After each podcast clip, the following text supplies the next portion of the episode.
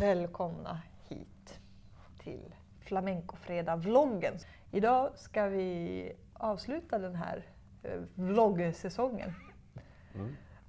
Helt enkelt innan sommaren, precis som det var första säsongen här på Flamencofredag 2015. Och möta en person som eh, är till stor del ansvarig för att För flamencon. för flamencon I i stort och litet Ja. i, i Sverige. Eh, och fa- faktiskt också till, har hon haft fingrarna med i spelet till att det- kommer att bli flamencofredagar här. Just det. Och det är ingen mindre än Eva Noré Möller. Eva Noré Möller. Hon spelar ju fantastiskt eh, flamenco. Mm. Flamenco, flamenco. Hon spelar Så. flamenco, flamenco. ja. Det är Och varje jag vet inte, det kanske är så att, hon, att den flamenco-gitarr som hon spelar, den var gammal på, när hon började så att säga. Den, den stilen som hon spelar. Mm. Att, att hennes lärare i sin tur var old school. Hon har ju lyssnat Så. mycket på Savikas vet jag. Ja. Eh, och det är ju Och Justo. och just. Ja. Jag, jag tror att Justo var gammal och Sabicas var modern Mm. i förhållande. Då. Just det. Så.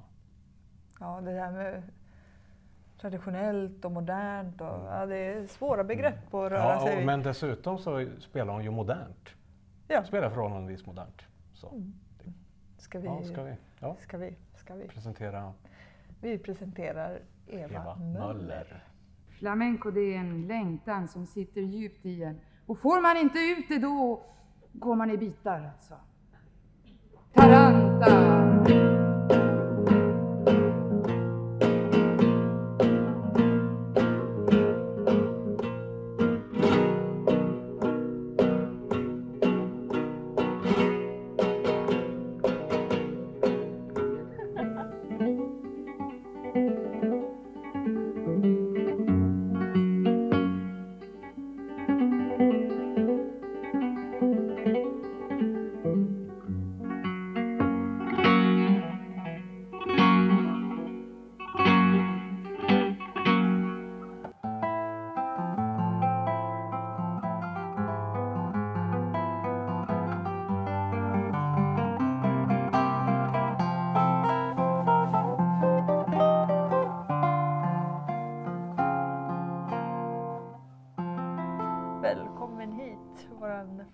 Flamencodrottning Eva. Tack ska du ha.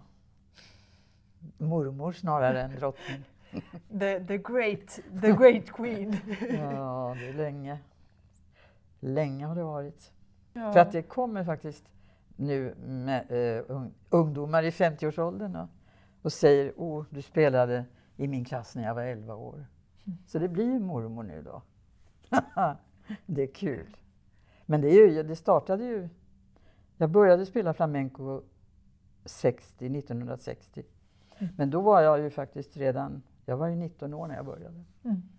Så att, eh, men jag hade spelat fiol sedan jag var liten så jag var inte helt rå. Mm. Hur såg det ut i, i flamencovärlden här i Ja, Sverige? alltså, jag började ju utan att veta att det var flamenco därför att jag, jag köpte en gitarr, jag blev faktiskt förälskad i, i gitarren, bara att hålla i den. Mm. Och, och då ville jag ha en lärare och då fanns det inte så där i Stockholm i alla fall så att man spelade klassisk gitarr eller något sånt där. Utan Mm. Då fick jag en kille som eh, jobbade på Hamburg, gamla Hamburger Börs. Mm. Han var spanjor, han hette Pedro Pérez Folgarolas. Mhm. Och han spelade väl mera rumba och sånt. Aha. Sam, alltså puff, puff, puff. Mm. Och så fick jag lektioner av honom, men jag kunde inte tala med honom. Mm. Så att eh, då fick jag reda på att det här det är flamenco. Så jag gick och letade efter skivor och då hittade jag Sabicas Mm. och Nino Ricardo. Och Sabicas ju, blev ju en, väldigt mycket min, min ledstjärna. Och så försökte jag härma honom och visa Pedro att det här är det jag vill spela. Men då fick jag inga fler lektioner. Så då var jag ensam i två, i två och ett halvt år tror jag. Och, och då alltså så var du ensam med Sabikas och, Ja, och det som du och- hade med dig? Ja, under- bara spela efter gehör. Ja, Det fanns ju ingenting att titta på då. nej.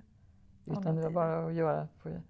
Men sen så kom den läraren som blev min huvudlärare då, Justo de Badajoz, kom till Berns. Och det, det var det faktiskt på den tiden.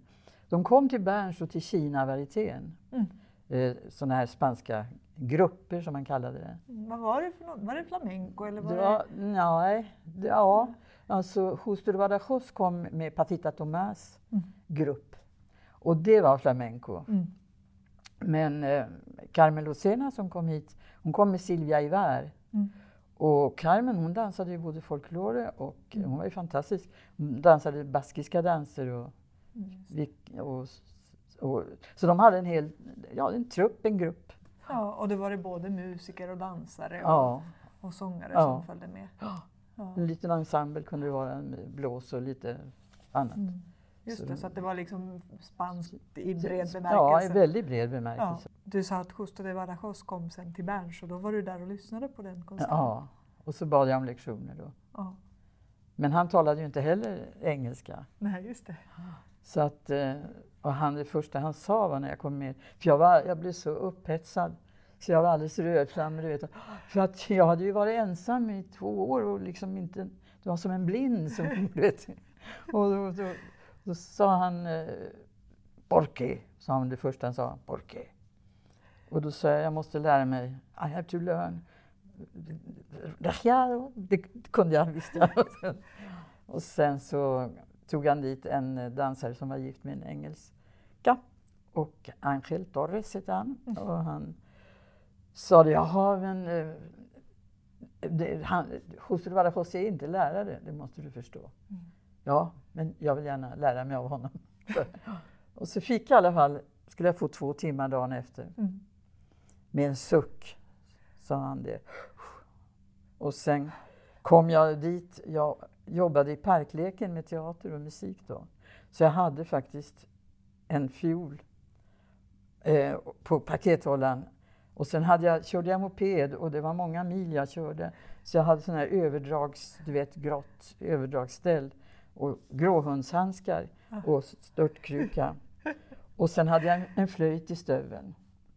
Och så kom jag och tänkte jag skulle parkera en bit ifrån och ta av mig det här och liksom promenera lite snyggt. Men jag kom rakt på, han bodde på Strandvägen, Ja. så jag kom rakt på nedanför hans fönster med skit i förgasaren. Det var vänstertrafik. Bang, bang!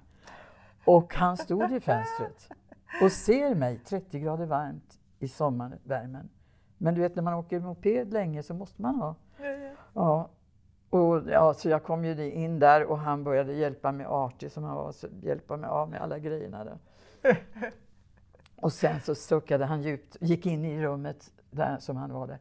Och sen så tog jag upp min gitarr och då så tog han fram en av sina och satte i min famn. Hur, jag kan inte fatta att han gjorde det.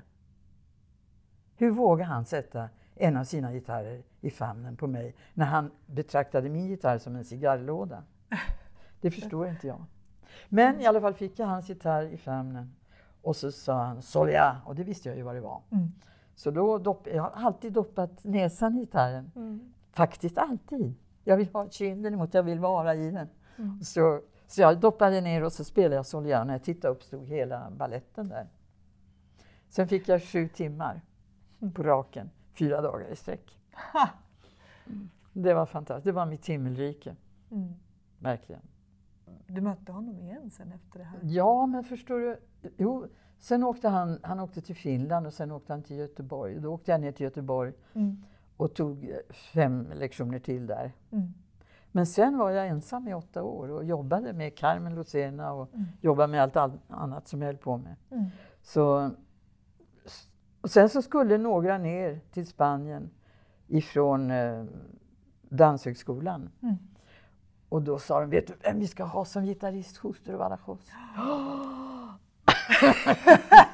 Så jag började göra ett band och spela in ett band och jag höll på alltså dygnet runt. Jag höll på att bli galen. Jag hörde vad som var fel. Va? Men jag ville ju liksom visa, det här är jag. Nej, inte, jag kan det där. Kämpa, kämpa. Och så cyklade jag till Bromma flygfält med det där bandet och släppte det så här, du vet. Så tänkte jag, nu får jag nog ett brev tillbaka där det står vad jag kan bättra på. Och liksom sådär lite uppmuntrande kanske. Men det kom bara ett vykort, Vengaki. Veraki. Ja, Veraki. Kom hit alltså. Ja, visst. Och Och- då gjorde jag det. Efter ett tag så kom jag ner till, eh, då var han på Mallorca. Mm. Så sen så sågs vi ju lite då och då och sen blev det faktiskt så att vi gjorde turnéer ihop i Sverige. Och en eh, LP gjorde vi. Wow, Ja, det var kul. vilken historia. Men hur var det för dig att komma ner till Spanien då? Det var ju 60-tal, Ja, visst. eller slutet av 60-talet. Ja. Hur, Ja, alltså jo, eh, det är ju så att eh, om, jag, jag, gick, jag gick senare också för eh, José Luis Rodriguez Mm. i Huelva. Och det var ganska fint. Jag var en månad där och bodde på, i ett studenthem. Och så fick jag öva på Männens Peña. Mm. Och eh, de var väldigt eh, respektfulla och mysiga mot mig. Och en dag så bjöd de ner mig då. Mm. Alla gubbarna satt där. Och, och så sjöng de, en och en sjöng de alltså rakt på mig. Mm. Och ibland så kom de ju så nära, vet du. Mm. Och alla såg ut som de var målade av José Greco, du vet. Så, som de brann. Mm. Och eh, faktiskt, de sjöng så att tårarna rann på mig. Mm. Det var en fruktansvärt stark flamencoupplevelse. På något vis så är det så att eh, de som håller på med det, som, de känner ju igen när man gör någonting. Liksom. Så att eh, i början var det väl lite så här en flicka som spelar, eller ja, kvinna som spelar flamenco. Det var väl. Det syns inte Tveksamt, så ja. ofta kanske. nej. Men Dan Grenholm, du vet, Mm. som ju var innan jag, vi var ju bästa kompisar. Mm.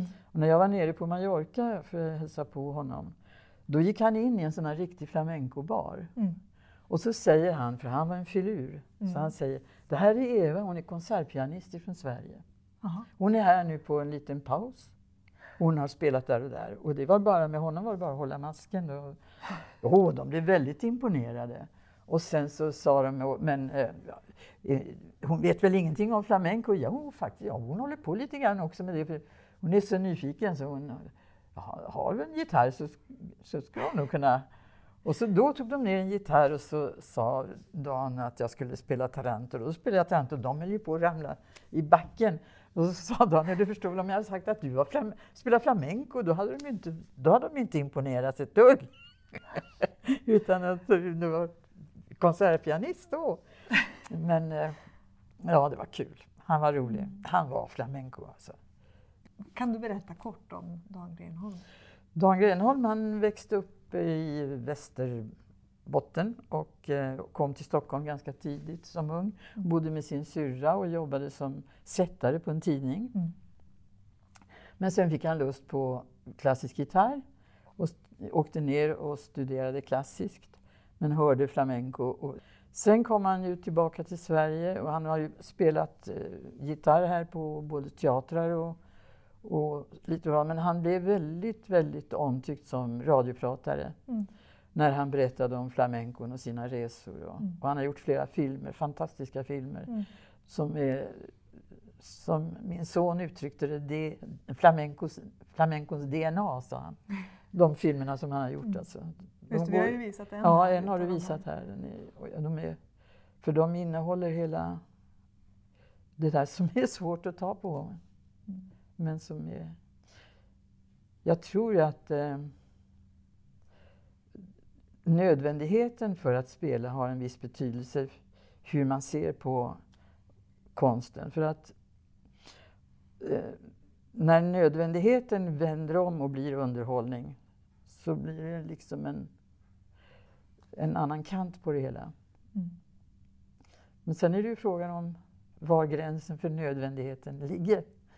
För att eh, det finns ju en hunger och en drift i all konst. Mm. Så det, det är svårt att ta på det där, vad som är vad. Men han, de här filmerna som han gjorde, de fångade det nakna, det, det nödvändiga verkligen. Mm.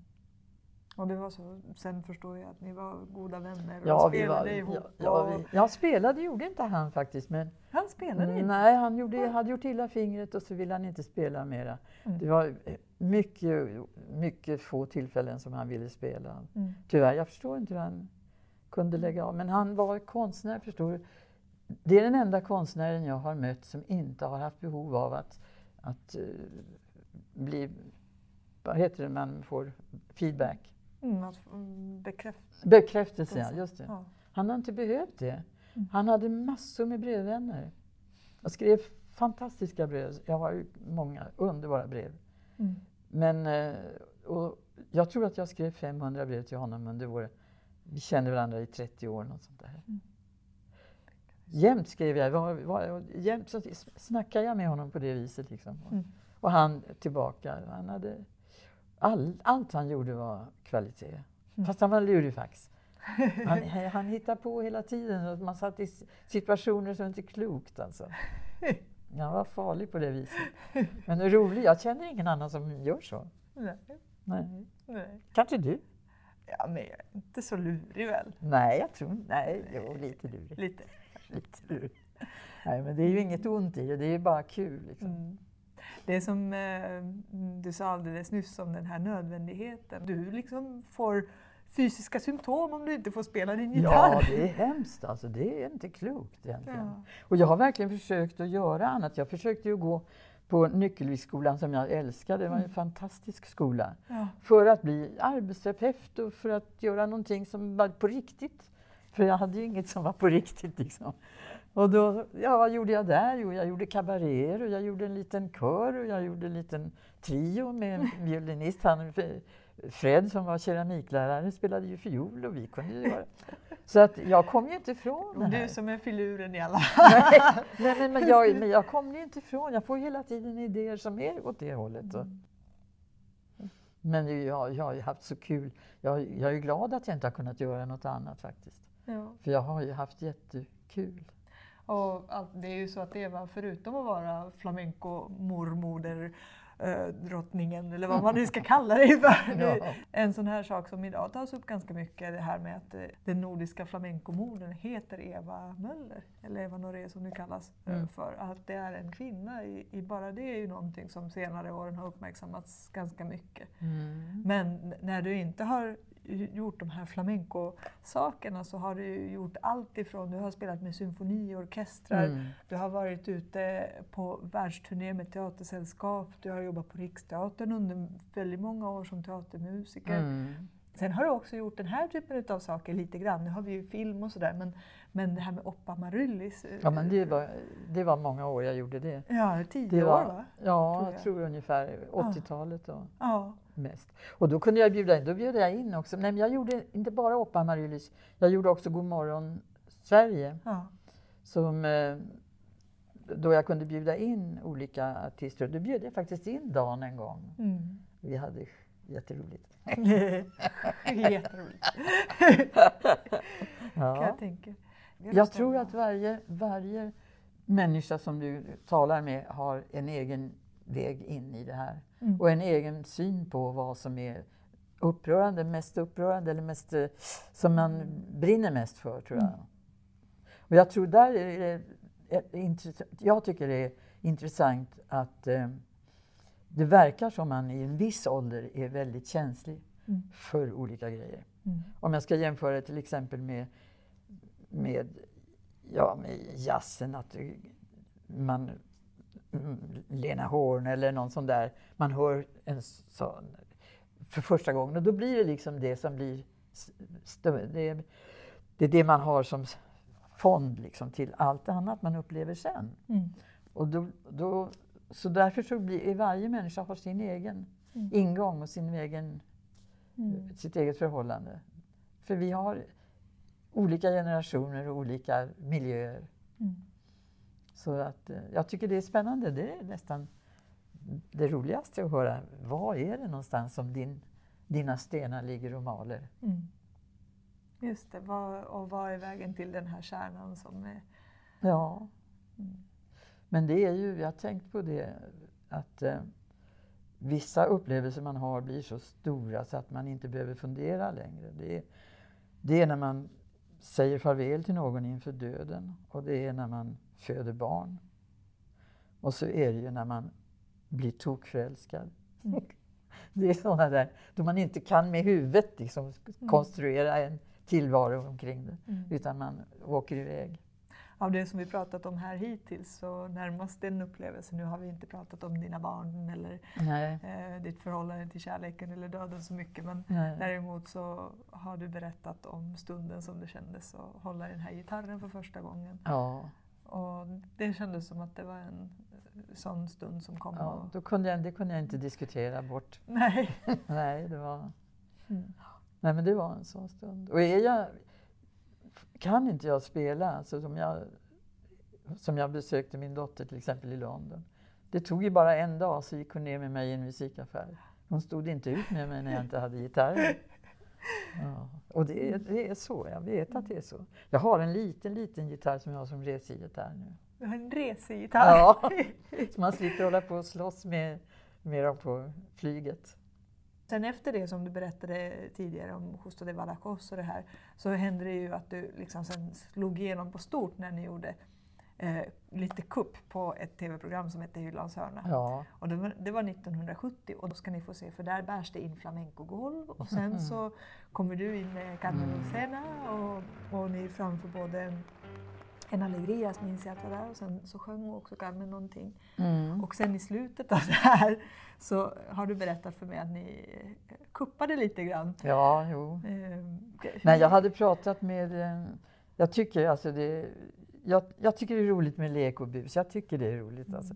Jag gjorde ju många skolkonserter och busade. I, ibland så fick jag upp alla plus rektorn dansande på, i, på scenen och så satt jag och Carmen i salongen. Vi, jag älskar sånt och det var det som var i, eh, Men då var det så att jag ville inte förskräcka Hyland, eh, Lennart Hyland då, utan jag talade med Allan Schulman som var producent Mm. och sa att jag tänker sitta, sätta igång allihopa och, och, och, i fånig som i rumba. Och sen så tänker jag följa en kamera och då ska du veta att jag släpper inte den förrän du släcker den. Så då biter jag den. Och så gjorde vi, satte vi igång det och det blev alltså Och det jättekul. Det blev jättekul.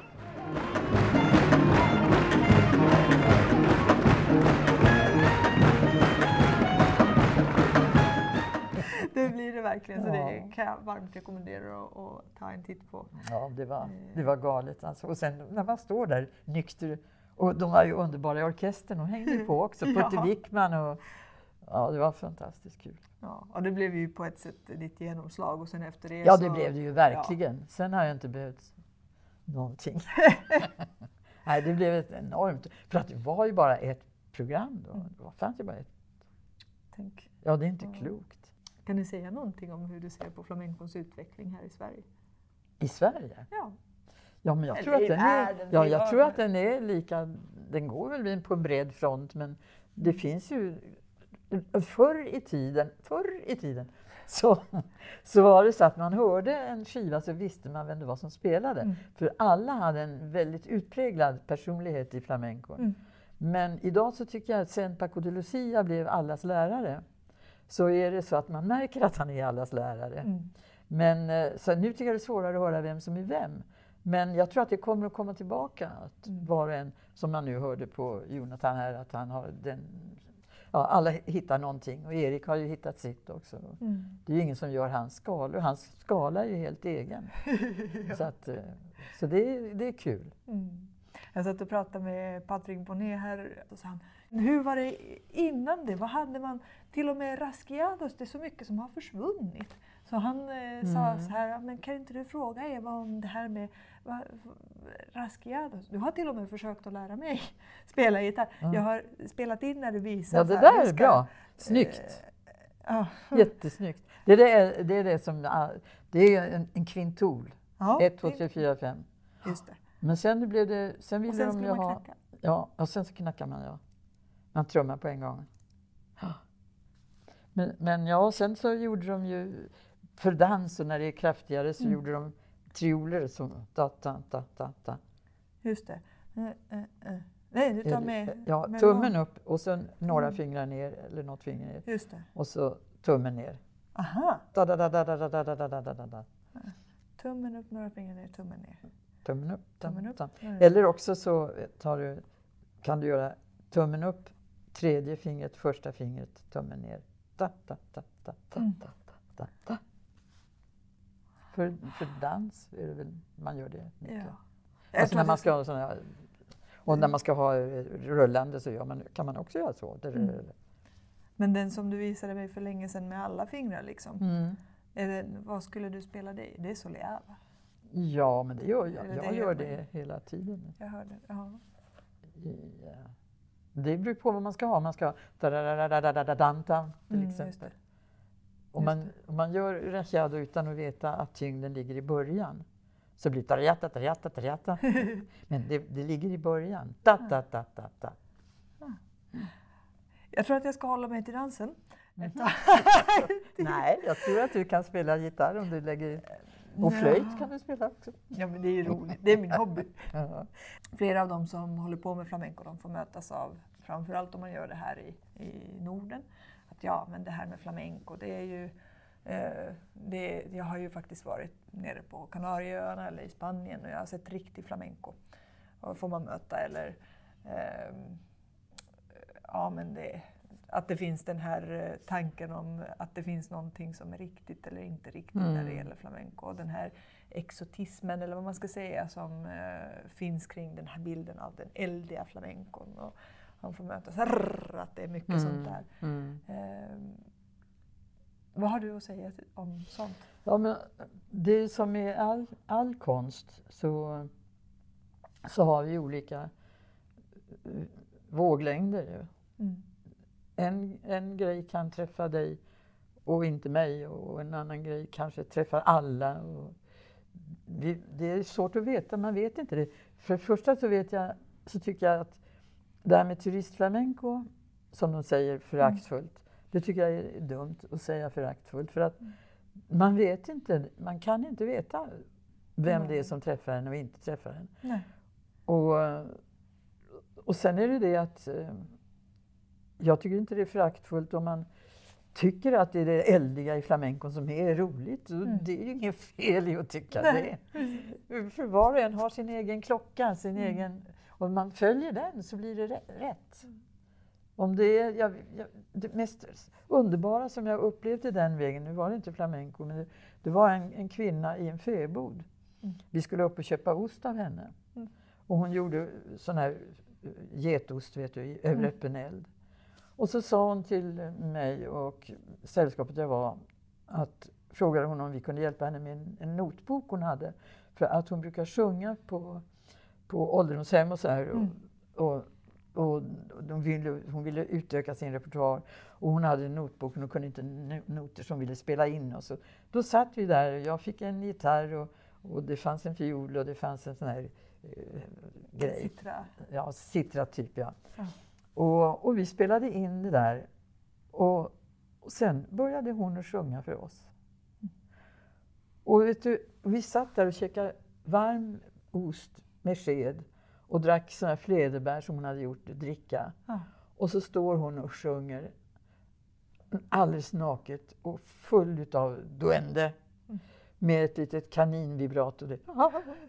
Och du vet att om jag hade, om jag hade skulle jag liksom hört, eller sagt jag ska gå och lyssna på, det var ju sån pekoral. Det- Vi, vi kallar det för pekoral. Mm. Men det är inte pekoral när det är äkta.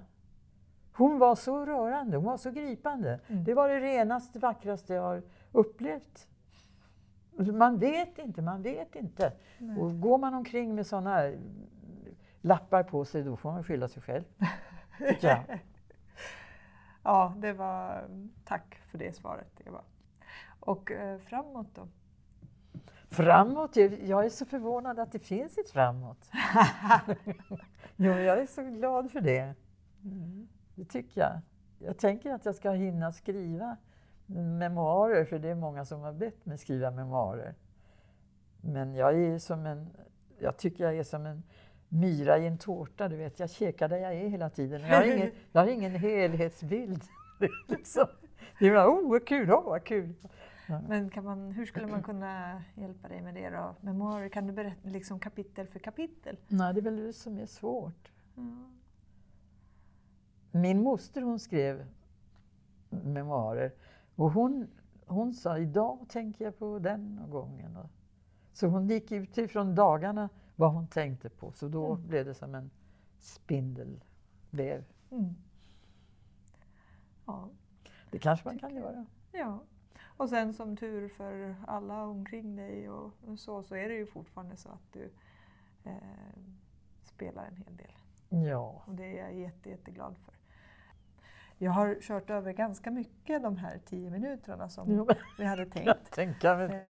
Tusen tack Eva för att du kom hit och pratade med oss. Tack för att jag fick komma. Då! Hej då.